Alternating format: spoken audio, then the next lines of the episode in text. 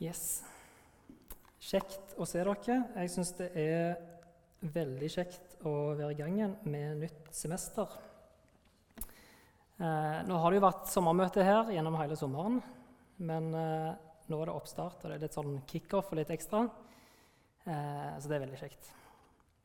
Eh, til dere som er nye her, så heter jeg altså Jon Olav. Jeg er gift med Kristine hun som står ca. der og synger. Vi bor i Stavanger. Um, ja Spiller gitar. Det er meg. Ja, jeg kommer ikke på noe mer. Men det som er kjekt, ekstra kjekt med oppstart, er når vi kan få være hele fellesskapet, syns jeg. Få være Salem Ung, få være gudstjenestefellesskapet, og at vi kan ha den internasjonale forsamlingen at vi kan få stå sammen om dette. Det syns jeg er veldig kjekt. Temaet for denne oppstartshelga har vært 'i verden, men ikke av verden'. I går så hadde vi tre flotte vitnesbyrd om dette temaet. Ehm, det ble delt litt rundt ens egen historie inn mot dette, eh, erfaringer. I dag har det vært seminar med Morten Eikeli og Mons Gunnar Selstø. Alt har vært relatert til denne overskriften 'I verden, men ikke av verden'. Så I kveld så tenkte jeg jeg skulle fortsette med å ta enda litt mer dypdykk i dette begrepet. Men aller først så må jeg be.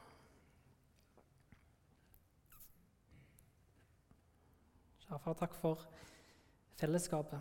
Takk for at vi kan få lov til å samles her i dag. Takker deg for det du har eh, planlagt for denne helga. Takker deg for det du har gitt oss allerede. Jeg ber om at du må åpne oss for ditt ord, at du må tale til oss gjennom ditt ord her i kveld. Legge møtet i dine hender. Amen.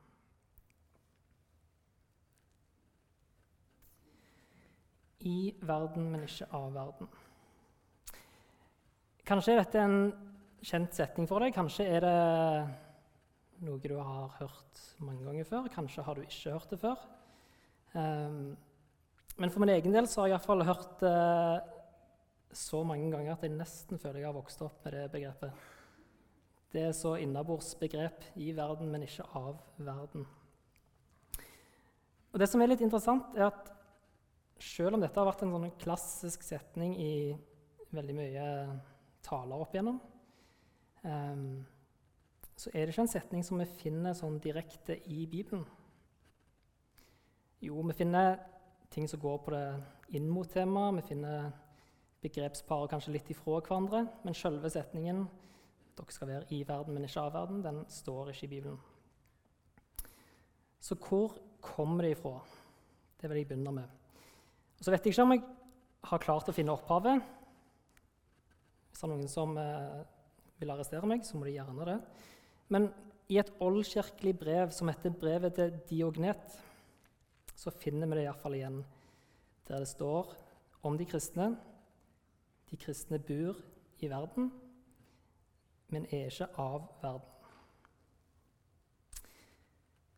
Så hva menes med dette?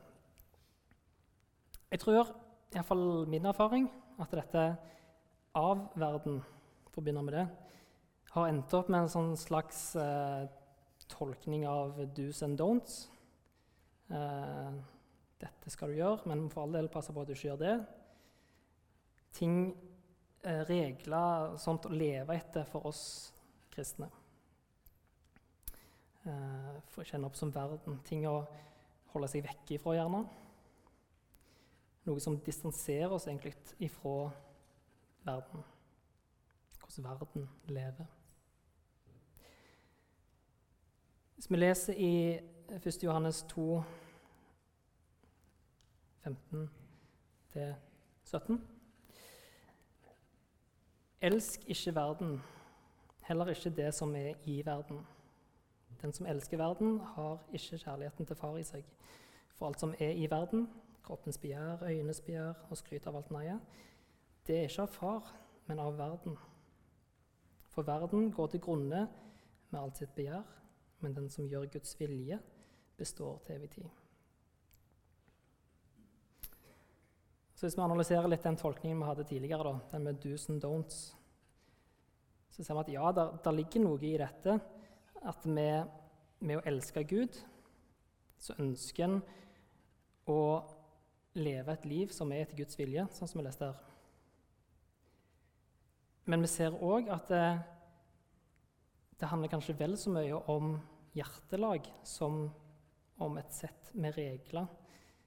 Kanskje handler det mer om hvilken retning en er vendt, hvor en søker. De siste åra har det vært eh, mange folk i Salomon som har vært engasjert med å arrangere møtehelger på Lundanes og Tryggheim, såkalt Vision. Eh, og da har vi alltid hatt et sånn Grill en kristen-seminar. Og det er veldig kjekt. Kommer inn masse spennende spørsmål. Masse utfordrende spørsmål. Svarer på sånn på flekken. Um, men så det som går igjen da, på alle disse seminarene, har vært spørsmål om er det synd? Hvor langt går det for det er synd? Disse reglene, da. Hvor langt kan en liksom strekke det? Virker det nesten som.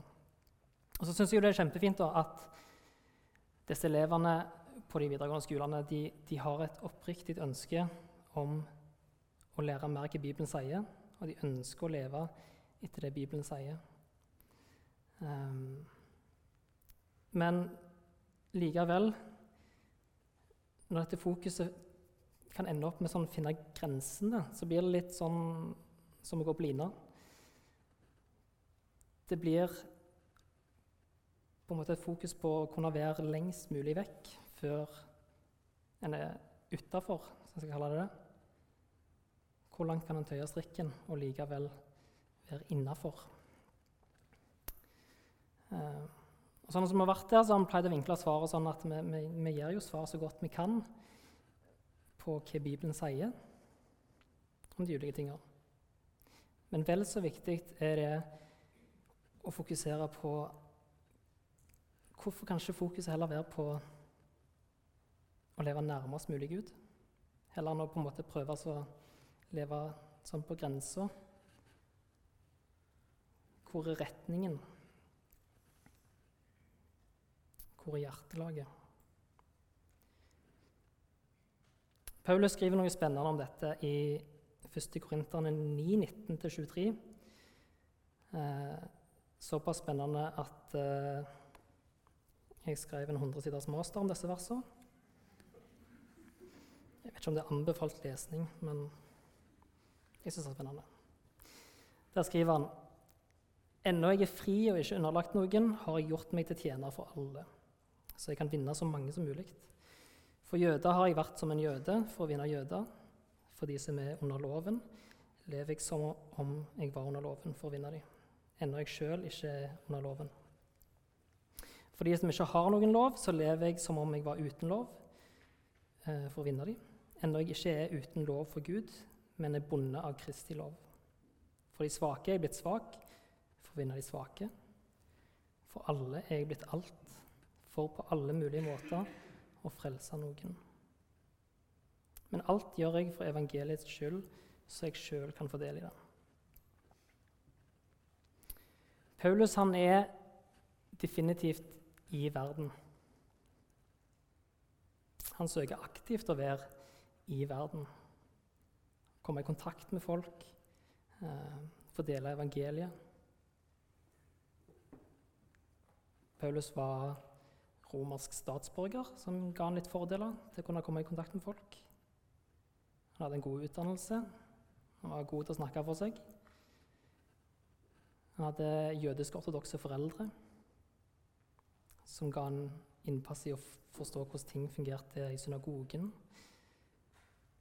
Han hadde mye fordeler. Og alt dette så gjorde han så ble han alt for på alle mulige måter å frelse noen. Det er hensikten. Og så går han ikke så langt i sin tilpasning hvis en skal kalle det det, at han blir av verden. Um, for å si det på en annen måte, så Han tilpasser ikke sin teologi.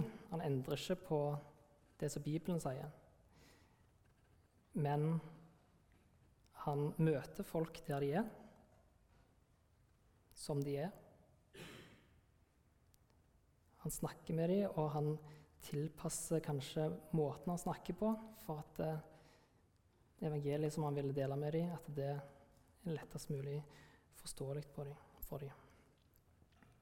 Da er vi litt over med dette å være i verden. Hva vil det si å være i verden? Så klart har han jo det åpenlyse, at vi er på denne jorda og bor i denne fysiske verden. Den er grei nok. Men samtidig så er det noen undertoner av noe annet. Eh, noe i retning av at vi, vi, er i verden som at vi isolerer oss ikke fra verden. Vi blir ikke en sånn liten getto som er oss sjøl nok. Eh, og Her har jeg lyst å gå litt tilbake til dette brevet til Diognet som jeg nevnte innledningsvis. Eh, jeg syns det er et fantastisk brev å lese. Eh, forfatteren av dette brevet han beskriver de første kristne, hvordan de er, hvordan de lever eh, i verden. Og jeg hadde, har et utdrag her som jeg skal på skjerm. Det hadde jeg på Høstviken òg i fjor, for de som husker det. men dere får tåle høringen til. Dette er skrevet om de kristne mellom år 100 og 200 en gang. Det som skiller de kristne fra andre mennesker, er verken fedreland, språk eller skikker. De bor ikke i egne byer og taler ikke fremmede tungemål. I sin daglige tilværelse avviker de ikke fra andre. De lever blant grekere og barbarer, som det falt seg for den enkelte. De følger stedets skikk med hensyn til klær og mat og atferd for øvrig, og likevel er deres vandel sånn at den vekker alminnelig undring og beundring. De bor i sine land, men som utlendinger. De tar del i alt som borgere, men må finne seg i alt som de var fremmede.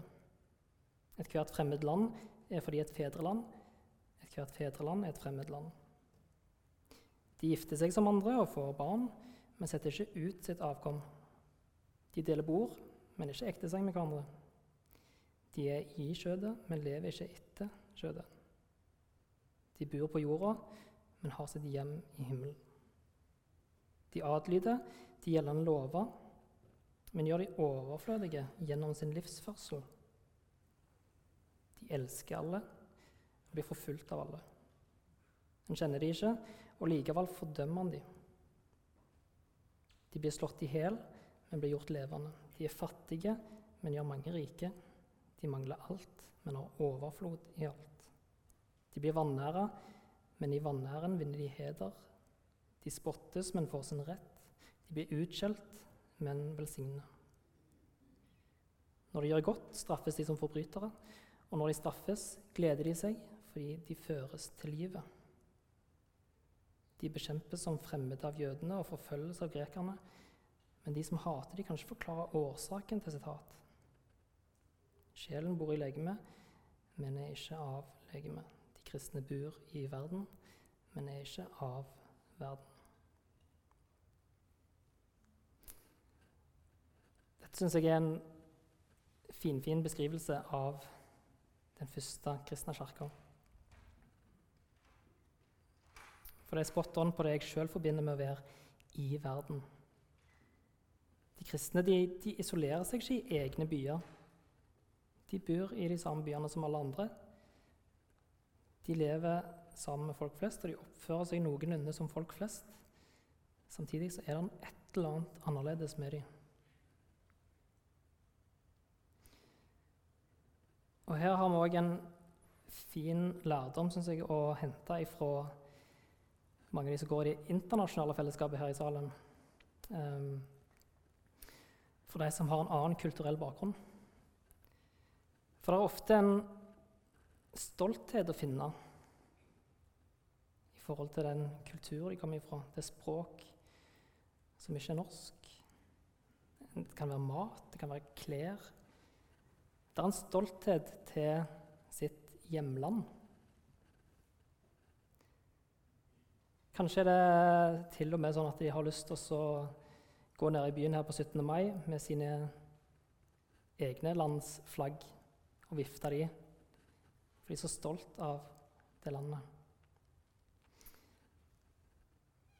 Og jeg tenkte på det når jeg forberedte meg for min egen del. Hvor frimodig er jeg da, så tar metaforen til å vifte med mitt hjemlandsflagg? Vårt hjemland er i himmelen. Hvor frimodig er vi til å vifte med det? Dette avsnittet som vi leste nå, hvordan ville det sett ut hvis naboen min skulle prøve å beskrive meg som en av de kristne. Hvordan ville det sett ut hvis han skulle ha beskrevet Salem, de kristne i Stavanger, de kristne i Norge? Hvordan ville, hvordan ville det sett ut? Er det sånn at det vekker alminnelig undring og beundring? Eller er det sånn at naboen min egentlig ikke kjenner meg så godt at han kunne skrevet noe sånt? Det lurer jeg litt på for min egen del.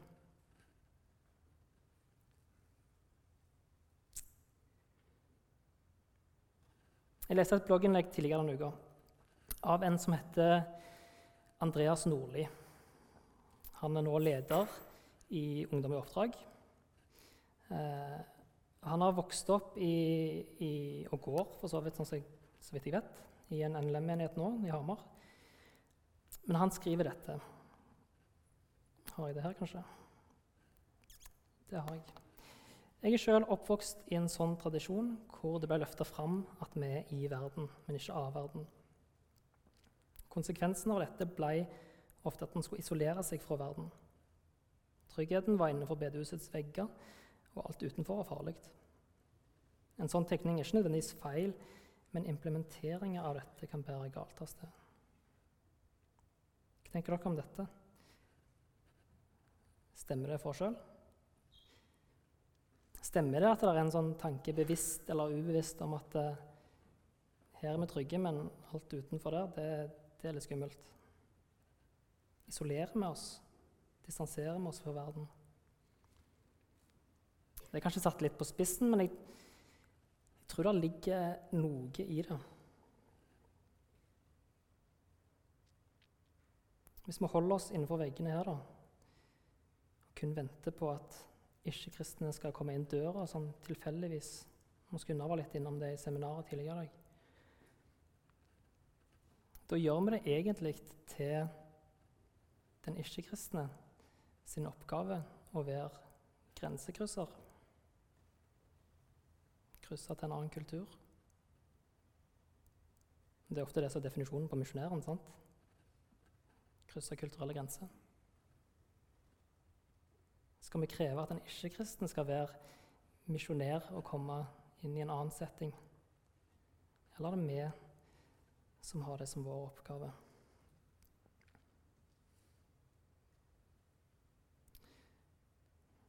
Jeg fikk tidligere et spørsmål om jeg kunne ta ansvaret, ansvar for eh, lovsangen på et arrangement som skulle være i november. Og Nå passer ikke det så veldig bra for meg akkurat de datoene. Så svaret mitt ble litt sånn klassisk. Dette hørtes jo veldig spennende ut. Men har dessverre ikke anledning. Eh, og jeg syns oppriktig det hørtes veldig spennende ut. Jeg har veldig lyst til dette. Men det, jeg kunne jo ikke. Da måtte jeg si det. Jeg har ikke anledning.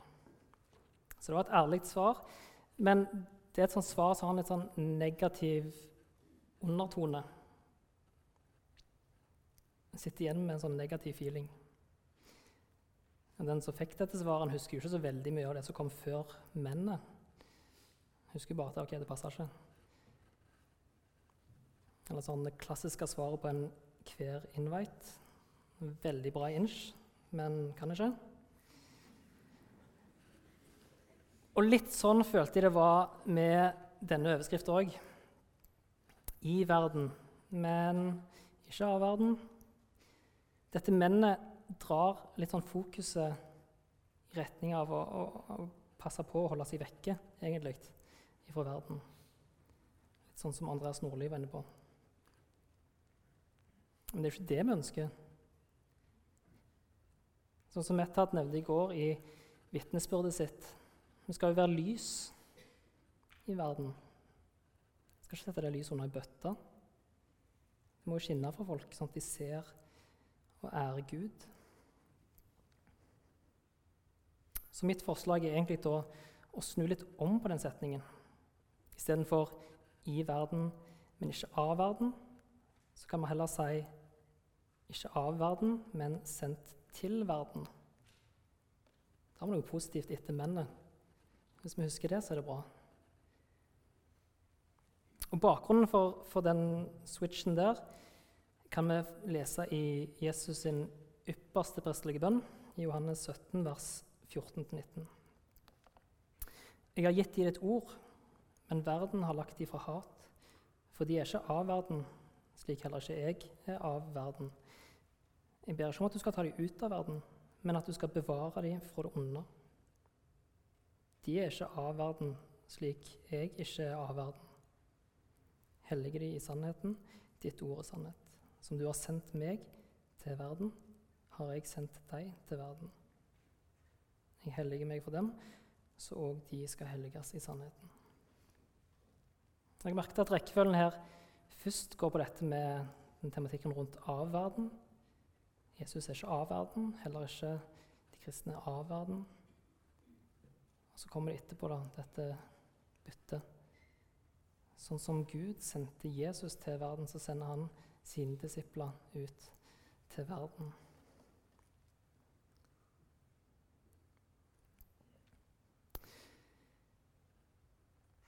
I vår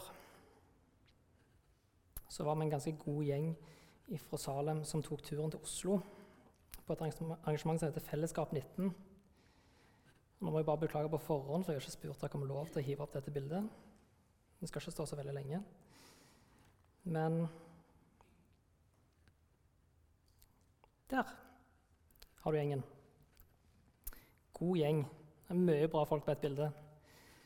Eh, fellesskap er en årlig konferanse på Fjellhaug i Oslo i regi av NLM. Konferansen har eh, spesielt fokus på fellesskap. Og det er masse seminar og opplegg og ting til inspirasjon og oppmuntring for frivillige i den tjenesten du står i, enten det er møtevert eller møteleder eller musiker eller hva det enn er. Så jeg håper at vi hadde vært en god gjeng til våren òg. Det hadde vært veldig kjekt. Grunnen til at jeg nevnte dette, er at vi på et av møtene fikk utdelt masse sånn kort på størrelse med et bokmerke.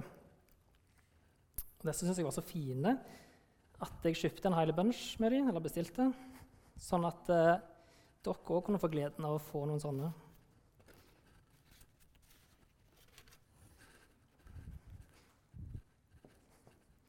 Så kan du sende dem rundt. Det tar jo sikkert litt tid, men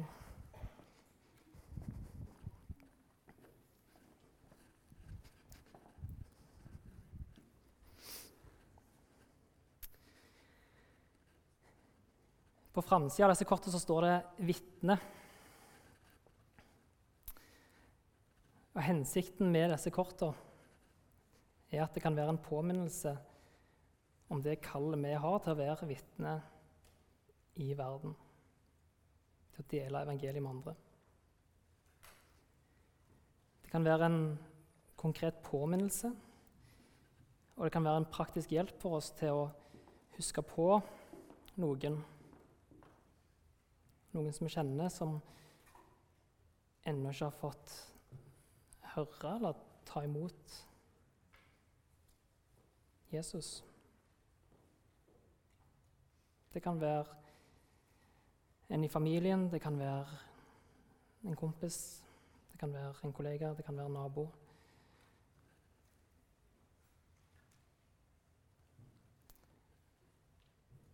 Bakpå disse kortene så står det litt om en sånn eh, checklist, huskeliste, for, for hvordan en kan gå fram. En liten hjelp. Det første alt starter med fellesskap. fellesskap med Jesus. Hvis du ikke sjøl får noe, så har du ikke så mye å gi videre. Så handler det om bønn. Det handler om eh, å tjene dem. Kanskje etter hvert invitere de hjem på middag. Og hvis muligheten byr seg en eller annen gang, å få lov til å si noen ord om det du tror på, og få dele evangeliet med dem. Så det jeg ville gjøre når dere kommer hjem i deres lønnkammer, er å se er der, er der, Har dere noen som dere har lyst til å skrive ned på den lista? Og i første omgang iallfall be for.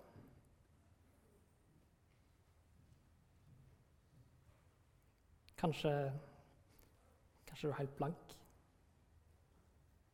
Men da kan du be da, om å få et navn.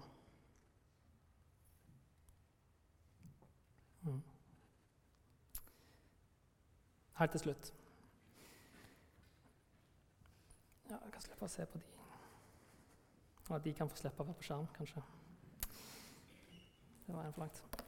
En av de fineste setningene i brevet til Dionet, det syns jeg er denne her, beskrivelsen av de kristne. De bor på jorda, men har sitt hjemland i himmelen. Vi er ikke av denne verden, men vi, vi har vårt hjemland i himmelen. Vi skal få høre en sang nå etterpå der det ene verset handler om nettopp dette. Du er håpet for min framtid, du er målet for min vei. Dine engler skal meg bære til en evighet med deg. Og Det er så viktig å huske på, dette evighetsperspektivet. Det er jo noe stort for oss å tenke på, det håpet vi har. Samtidig òg, da, så er dette noe som utfordrer oss mens vi ennå er her i verden. Som Gud sendte Jesus til verden, så sender han oss til verden. For oppdraget er ennå ikke fullført. Det gir oss et perspektiv på å få med oss flere.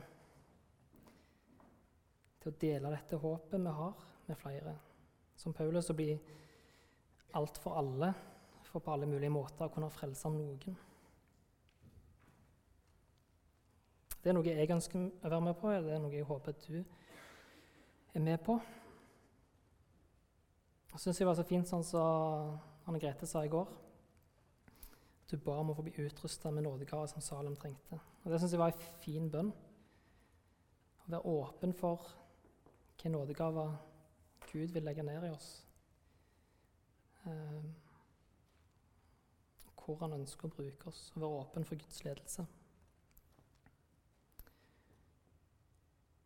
Så vil jeg avslutte med et sitat fra en som har sagt det sånn.